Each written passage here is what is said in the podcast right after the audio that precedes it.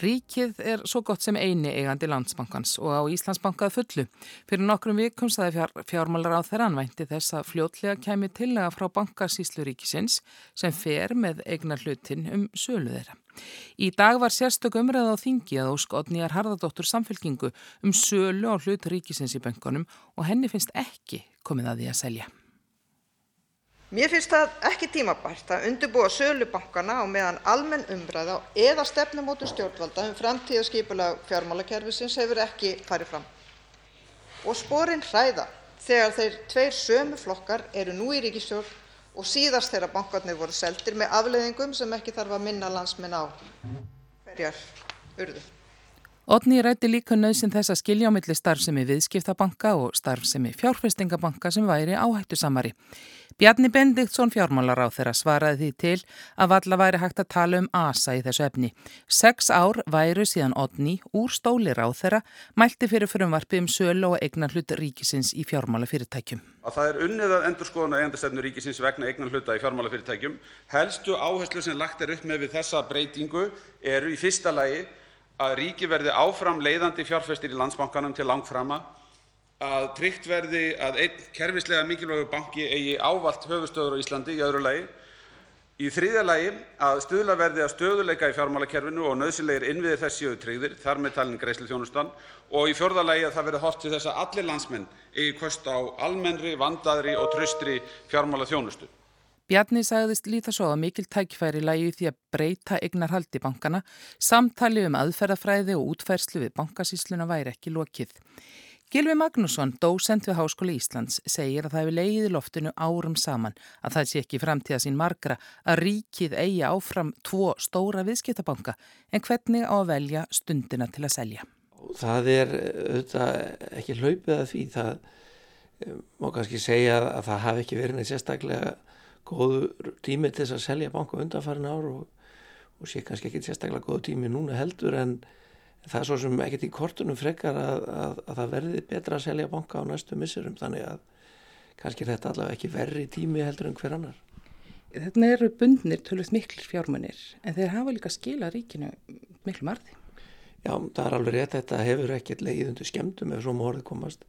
Bankarnir að hafa gengið eh, mestu vel og, og skila verulegum hagnaði sem hefur skilað sér í argreislum til ríkisins og þetta skattgreislum líka.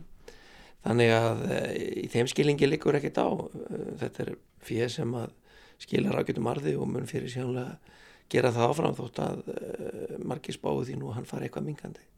Það horfir ekkert endilega neitt sérstaklega góð vel fyrir bankarekstri núna næstunni. Það er mikla breytingar að verða á þessu markaði. Já, það, það er alveg rétt og ég held nú að verð núna endur speiklið það. Við sjáum til dæmis að Arjónbankin sem er nú eini bankin sem er á markaði að eh, markaðsverð hans er svona töfnvel tveir þriðju af eigin fjö sem að eh, auðvitað segir okkur að eh, þeir sem er að kaupa og selja brefi þeim banka þeir eh, er ekkert sérstaklega bjart sínir á framtíð þess banka og ég held að það megi nú kannski heimfara það einhver leiti á líklegt verð á um, hlutabröfum í Íslandsbanka eða Landsbanka. Og, og þetta er endur ekki sér íslenskt viða í Európu eru bankar á svona hálgjörðu útsöluverði. En er þá ráðleira bara að lúra þeim lengur? Já, það er svo sem heldur ekkit sem bendir til þess að verðið fari hækkandi. Þannig að e, með geta svo sem ekki bara lúrað á þeim í þeirri trú að verðið muni hækka því að það likur ekki fyrir síðan eru þetta að gerast alls konar breytingar ekki bara hér heldur alþjóðlega á umhverfi banka til dæmis nýjungar í greiðslumiðlun sem hefur alltaf verið stór tekjulind fyrir banka. Eh, það er alltaf slíklegt og reyndar vonandi mun það eh, auka samkefni sem að gerir bankunum erfitt fyrir en eh, betra þá fyrir viðskiptalífið og neytendur. En í, þegar það er náttúrulega aldrei talað um sölubankana öðruvísi heldur en minn horfi aftur líka og velti fyrir sér þegar að bankanum voru engavættir hérna, kringum aldamótin og, og framhaldinu það var ristæri var hrætt og mikið en fallið var bratt. Já, fyrsta engavæðingin eða þannig kringum og uppveru aldamótum var auðvitað alveg skellulegt klúður, við vitum það núna og það, það þarf ekki að, að, að fjalla um það í, í, í löngum móli, það líka bara fyrir þannig að vonandi höfum við lært eitthvað af því og uh, ef og þegar kemur að því að selja hluti böngum að þá munum en ekki endur taka mistökinn En hvað er heppilegast? Er eitthvað hægt að tala um það? Hvort sé heppilegra að bankar séu veist, erlendi fjárfæstar eins og í Arjón núna þar er hlutur í eigu útlendinga tölvist mikill og svona hvað skiptir þetta allir mál? Já það skiptir verulega máli hverjir eiga banka og uh, ríkið er í sjálf og sér ekkert ræðilegur eigandi að banka eða hluta í banka. En, en það er ekki eskilegt að ríkið eigi allt bankakerfið. Eh, svona einhver blanda þar sem að eh, ríkið á kannski stóran hluta í einum banka með öðrum. Eh, lífur í sjóður eiga stóran hluta í kannski einum banka eða, eða lítinn hluta í tveim bankum eh, og síðan erlendur eigendur að, að eh, einum eða, eða hluta í tveimur bankum það geti verið ágetis blanda. En uh, útlendingar eru auðvitað ekki allir eins þannig að að mörguleiti væri heppilegt að hingað kemi öflugur erlendubanki sem egnaðist hlut í Íslenskum banka. Það var nú draumurinn í engavæðingun á sínum tíma og það fór eins og það fór. eh, og því miður er engin sérstök loftu um útlendingar hafi áhuga á því að koma hingað og uh, svona reyða sittar um sí Íslensku bankakerfi. Fyrst er skipt einhverju máli eða hefur einhverju skoðun af því hvort, hvort bankan væri heppilegra ríki held í?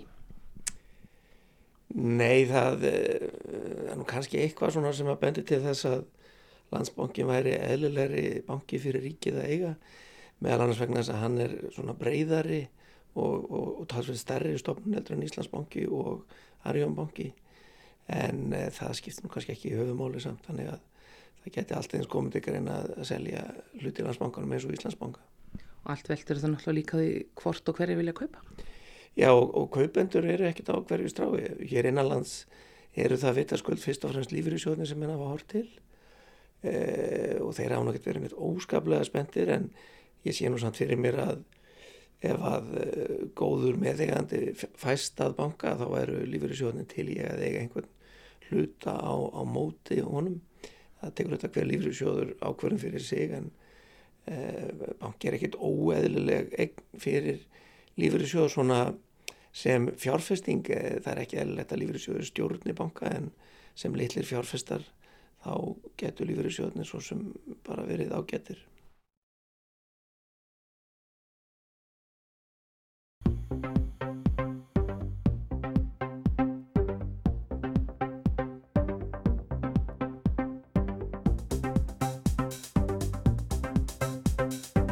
Laugardagurinn var enn einn dagurinn þegar stemdi í að Brexit línurnar skýrðust þar sem Breska þingið átt að greiða atkvæðum útgöngu samning Bresku stjórnarnar við Evrópusambandið.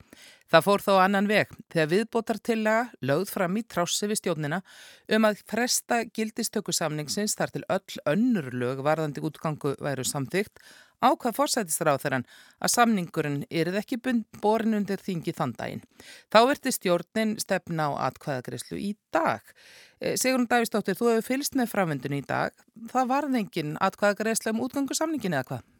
Nei, ekki í dag. Uh, John Berkov, þingfórseti, sagði það ekki í samræmi við þingsköp að greiða atkvæðum samningin í dag því ekkert hefði breyst síðan á lögadaginn og ekki heimilt að taka sama efnu upp aftur. Þingið hefði líka þegar samþygt að útgöngusamningurinn ætti að verða samferða lagabolki sem fylgir útgöngunni og þess vegna ætti að afgreða fylgilaun fyrst. En hvena kemst þá þingið til þess að afgreða atkvæði um útgöngusamningin? Stjórnin ætlaði að leggja fram þennan meðfylgjandi lagabolk í dag, það hefur nú dreyist eitthvað en uh, það á svo að ræða uh, hann næstu daga. Það verða ímsar brexit tengtar atkvæðagreislur á morgun og næstu daga í þinginu sem munir þá segja til um stuðningin við samningin. Stjórnin er minnulhutastjórn en ráþærar virðast býstamálgóður um meira hluta í þinginu fyrir samningnum. Það er hins vegar örgur í mörgum þingmannum að því stjórnin ætla að láta þingheim greiða atkvæðum lög og samning sem engin tími hafi verið til að stútera og stjórnin hefur ekki lagt neitt mat á efnahagsleg áhrif útgöngusamningsins. Nú svar stjórnarinnar er að það sé búið að ræða brexit í meirinn þrjú ár sem er auðvitað rétt en útfærslan skiptir nú fjarska miklu máli eins og margir þingmenn higgja og þingmenn virða stefna á líka að breyta samningnum bæta kannski tollasambandi eða þjóðratkvæðagreyslu og það er stjórninni alveg einstaklega á mótiskapi. Hvað hangir á spýtunni og hvernig hangir þetta eiginlega allt saman? Það er viðbótar samþygt á lögadaginn og, og þá að sjálfur samningurinn og meðfylgjandi lög verða fylgja stað. Það sem hangir á spýtunni er að jafnvel í flokki fórsætsráþara þá treysta menn ekki fórsætsráþara um að stefna á útgöngu með samningi þó hann hafi þegar samið eh, um útgöngu. Það var mjög aðdeglisvert að þessi samtvinnun samningseins og meðfylgjandi lagabálka eh, kom frá íhjálpsþingmanni Oliver Lettvin. Það lágu þegar fyrir lögum að ef samþyktur útgöngusamningur lægi ekki fyrir 19. oktober þá yrði fórsætsráðara byrja ESB um frest. Nú eh, þegar það rann svo fyrir þingmannum að ef samningurinn hefði nú verið samþyktur á lögadaginn þá gæti fórsætsráðara samt farið út án samnings 31. oktober af því meðfylgjandi lög hefði ekki verið samþygt og þess vegna þetta spilna saman samningin og fylgilögin. Svo flækjurna snúast eiginlega um vantraust á Boris Jónsson fórsætsar á þeirra. Já, þeir sem eru mótfallnir samningslösu Brexit eða ósáttir við Brexit hafa þessa nagandi tilfinningu að þrátt fyrir yfirlýsingar um samning og þrátt fyrir að hafa samið þá stefni fórsætsráð þeirra í laumi á samningslösa útgöngu Nú, samningur Teresu mei, hann þrýfjall að því henni tóst ekki að sannfara þingiðum að það væri um ekkert annað að velja en hennar samning eða engan samning. Þingmenn komu auga á frestun. Johnson ætlaði ljóslega ekki að falla í sömu grefju en hann er kannski líka að missa tökinn þegar þingmenn sjá fram á mögulegar breytingatillur, frestun, kannski kostningar og já, hugsanlega aðra þjóratkvæðgreislu. En það er líka rétt hugsanlegt að ef þingmenn verða með uppsteitt munir stjórnin hætta við að láta greið atkvæð um samningin og reyna bara efna til kostninga. Þannig að það eru mjög margar óvissu breytur í þessu dæmi eins og fyrir dæmi. En þú nefndir hérna Brexit samning mei. Er munur á hennar samningi og, og Brexit samningi Johnsons? Já, það var kannski ekki miklu breytt í lungun teksta en breytingarnar eru enga síður veigamiklar. Fyrir utan afgerandi breytingar varðandi Norður Írland þá gerir nýjir samningurinn ráð fyrir fjarlægara og lausara sambandi við Evrópusambandið en meðvildi. Það er auðvitað vega mikill munur. Það skapa líka taugatitring að þingmenn sjá í hendi sér að útgöngusamningur nú hindri ekki endilega samningslausa útgöngu síðar í ferlinu þegar sami verður um framtíðarsamkomalag. En er ESB ekkert að gefast upp á því að gefa breytum frest og útgöngu frest? Leðtógar ESB stinja vissulega en ESB eh, e allar ljóslega ekki að verða fyrir til að skelli lás. Leðtórnir munu kannski ekki flýta sér en það er nokkuð ljóst að þeir munu samþykja frest. Bara spurning hversu langan þeir telja að breytar þurfi. Og eru breytar þá kannski bara ekkert á leiðinni út úr bara sambandinu 31. oktober? Nei, ég ætli það. Um, það eru reyndar margar vikur síðan að var bent á að það væri mjög seinlega handavinna í kringum útgöngu og nú ef samningur likur fyrir í loka oktober þá þarf kannski aðeins útgöngu frest og einhvern veginn tæknilegan frest í nokkra vikur. Ef þingið fellir samningin þá mun Evropasambandið líklega vilja gera sam og síðast, veita langan frest, kannski fram á voruð að sumar. Auðvitað þyrtu breytar ekkert að taka sér svona langan tíma en þrýstingurinn sem tímamörk skapar, hann er þá sögunni í bráð og það hjálpar ekki ríkistjórninni. Þakka yfir þetta Sigrun Davísdóttir.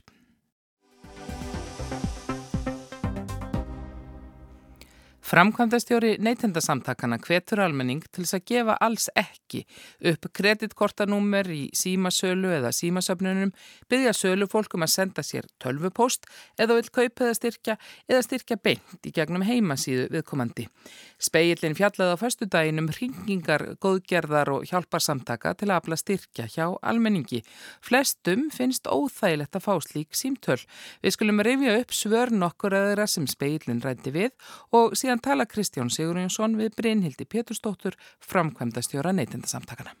Mér finnst það mjög óþægilegt og ég, svona, ég verð bara svona kvíðinn, ég finn fyrir meðvirkni og ég þarf alveg svona að mana mig alla upp í að segja nei og svo einhvern veginn verið gang svona ferðlar sem ég er bara svona, þú veist, einhvern veginn að, að vega salt á milli þess að finna fyrir reyða, ég hef verið beðin um þetta og skömm yfir að hafa þurft að neyta þessu sko.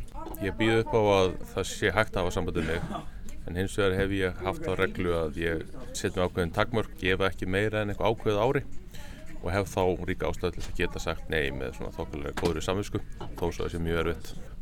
Er þetta rétt leið til þess að afla styrki, að ringja út? Þetta er mjög gamaldags aðferð en hins vegar er svona sala, einnum út einum sala mjög áhrifrik þegar kemur að svona góðgerra starfsemi þar sem þú ert að styrkja málefni sem á að höfða til tilfinninga. Ég finna að þólumæði mín og kannski umburðarlendi gagvart svona símtölum hefur mingað, einfallega vegna þess að símtölum hefur fjölgað. Og ég finn svona, ég verð svona svolítið vælukjó, ég byrja að segja, finna mér alls konar til, til afsökunar, ég sé nú að styrkja hitt og ég sé að styrkja þetta og reyna að beina þessu frá mér. Þetta er á kvöldmatatíma, þetta er á tíma þegar þú mátt eiginlega ekki vera því að hlusta á þetta og maður jafnvel segir bara já bara til þess að fá að halda áfram með það sem maður verið að gera. Brynhildur, er þetta eðlileg leið hjá hjálparsamtökum að, að ringja svona út og, og setja fólk í þessa stöðu sem það kemst óneitanlega í? Já, þetta er alveg spurning því að maður hefur þetta fullan skilning á því að það er verið að reyna að safna fjöð fyrir góðan málstað um, en fólki finnst að auðvitað vera sett í svolítið erfiða stöðu og það eru, ég veit ekki hvert hlutvallega en það eru mjög margir sem hafa að setja þarna rauða kross við, við, við nafnisitt í, í símaskrá til þess að forðast einmitt þessi símtöl. Eru þau í öllum tilvikum heiðaleg þessi símtöl? Eflust í langflestum tilfellum það er alltaf að heyra af einhverjum svikum og einhverju sem að segja á því að þetta, þarna getur verið góð leið til þess að gapa saklust fólk. Þannig að við myndum nú alltaf Sérst, mæla gegn því til dæmis að fólk sé að gefa upp kreditkortanúmeri sitt í gegnum síma. Hvort sem að er varandi hjálparsamtöku eða slíkt eða bara þegar maður fær símtal og tilbúð í einhvers konar betri áskrift í símaþjónustu eða slíkt að þá myndi ég alltaf vilja senda tölvupost og fá það hreint um hvað ræðir. Ef þetta er tilbúð þá vil ég fá að sjá tilbúð bara í tölvupostunum og samþykja það svo.